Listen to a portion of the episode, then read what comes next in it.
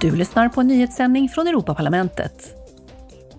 Vid plenarsessionens öppnande på onsdagen påminde talman Roberta Metsola om att det då var 33 år sedan Berlinmuren föll och järnridån löstes upp.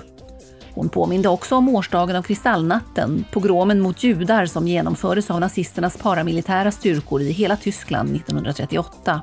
Så här sa hon. 84 years have passed since Kristallnacht. Det är 84 år sedan Kristallnatten. Men trots årtionden av ansträngningar har vi ännu inte gjort tillräckligt för att få slut på skuldbeläggandet och diskrimineringen. Vi har ännu inte gjort tillräckligt för att alla medborgare i Europa ska vara orädda för att vara sig själva. Och idag vill jag ännu en gång upprepa vårt engagemang för att bekämpa hat, lära ut tolerans och respekt, bekämpa antisemitism och att alltid minnas. Antisemitism and to always remember. Metsola uppmanade också till ytterligare sanktioner mot Iran där situationen har försämrats ännu mer. Hon sa att det behövs en internationell utredning för att ställa förtryckarregimen till svars för sina pågående kränkningar av de mänskliga rättigheterna.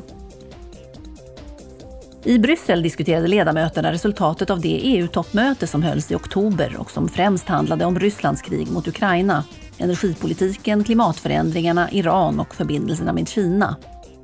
I den inledande debatten sa rådets ordförande Charles Michel att toppmötet hade varit avgörande just när det gäller energipriser eftersom beskeden var lika efterlängtade av medborgarna som av företag och regeringar.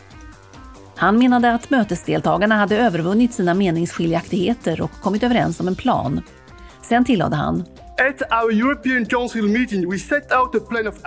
vid vårt möte i Europeiska rådet la vi fram en handlingsplan med nio konkreta åtgärder och bad kommissionen att snarast lägga fram konkreta lagstiftningsförslag. Kriget i Ukraina och energikrisen har direkt påverkat våra ekonomier och våra medborgare. Det är dags att göra någonting åt det. And our citizens. It's time to act EU-kommissionens ordförande Ursula von der Leyen sa till ledamöterna att de nuvarande energiproblemen kräver brådskande åtgärder och strategisk framsynthet. Därefter fokuserade hon på förnybar energi. Det är ingen överdrift att säga att vi står vid ett vägskäl. Antingen ignorerar vi de lärdomar som vi har dragit av denna kris och faller tillbaka i koldioxidfällan.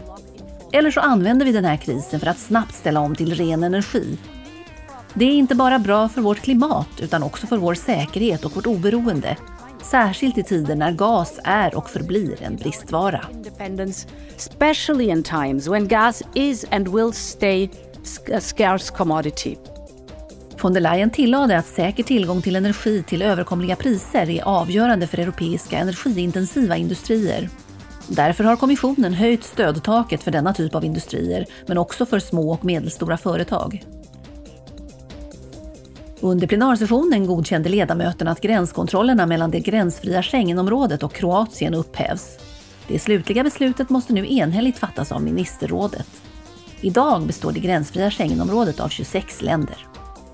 Du har lyssnat på en nyhetssändning från Europaparlamentet.